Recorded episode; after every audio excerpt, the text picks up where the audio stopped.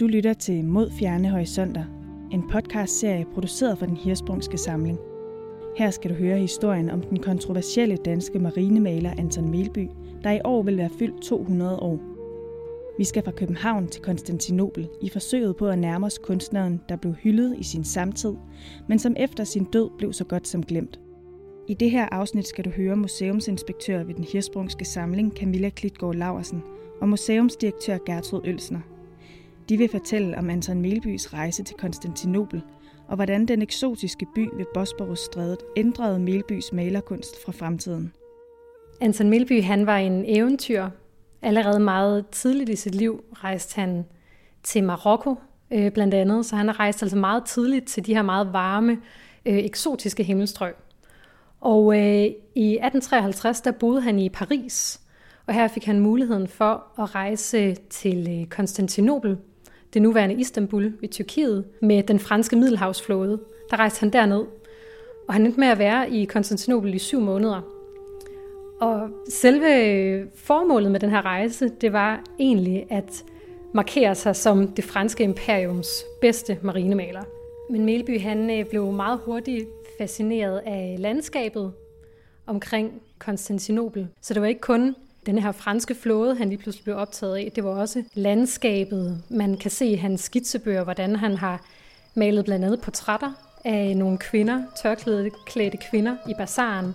Øh, man kan se, hvordan han har lavet tegninger af en muslimsk kirkegård. Så hele den her fascination og optagethed af øh, Konstantinopel handler også rigtig meget om det, man i dag kalder for orientalismen, som handler om øh, europæernes, øh, mange af de europæiske kunstnere blandt andet, øh, deres optagethed af det eksotiske og østen.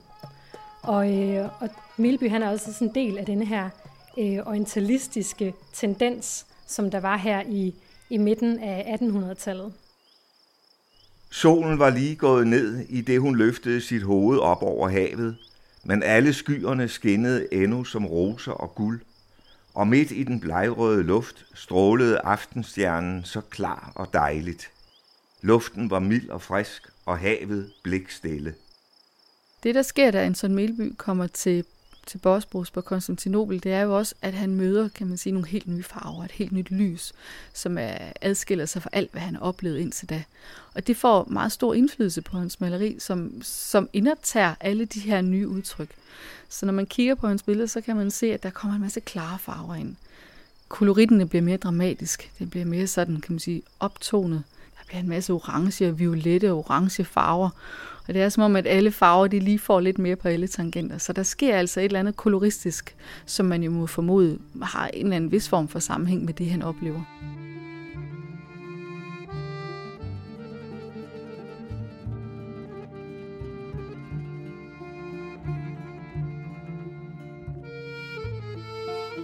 Milby han blev i Konstantinopel indtil 1854, øhm, og da han kom hjem, så øh, bestilte den franske kejser Napoleon den tredje. Han bestilte et øh, meget stort værk af Melby, af det franske dampskib Napoleon hed det. Øh, det dampskib, som var opkaldt efter kejseren. Så han fik altså markeret sig som en af de her vigtige marinemalere i 1850'ernes Frankrig efter denne her rejse i Konstantinopel. Den nævnte i Hamburg, så ansete marinemaler, har siden han forlod vores stad, i en særdeles grad tildraget sig den franske kejsers opmærksomhed. Efter at Melby havde udstillet forskellige billeder i Paris, erklærede Napoleon den 3., at denne kunstner bedre end nogen anden forstod at male skibe.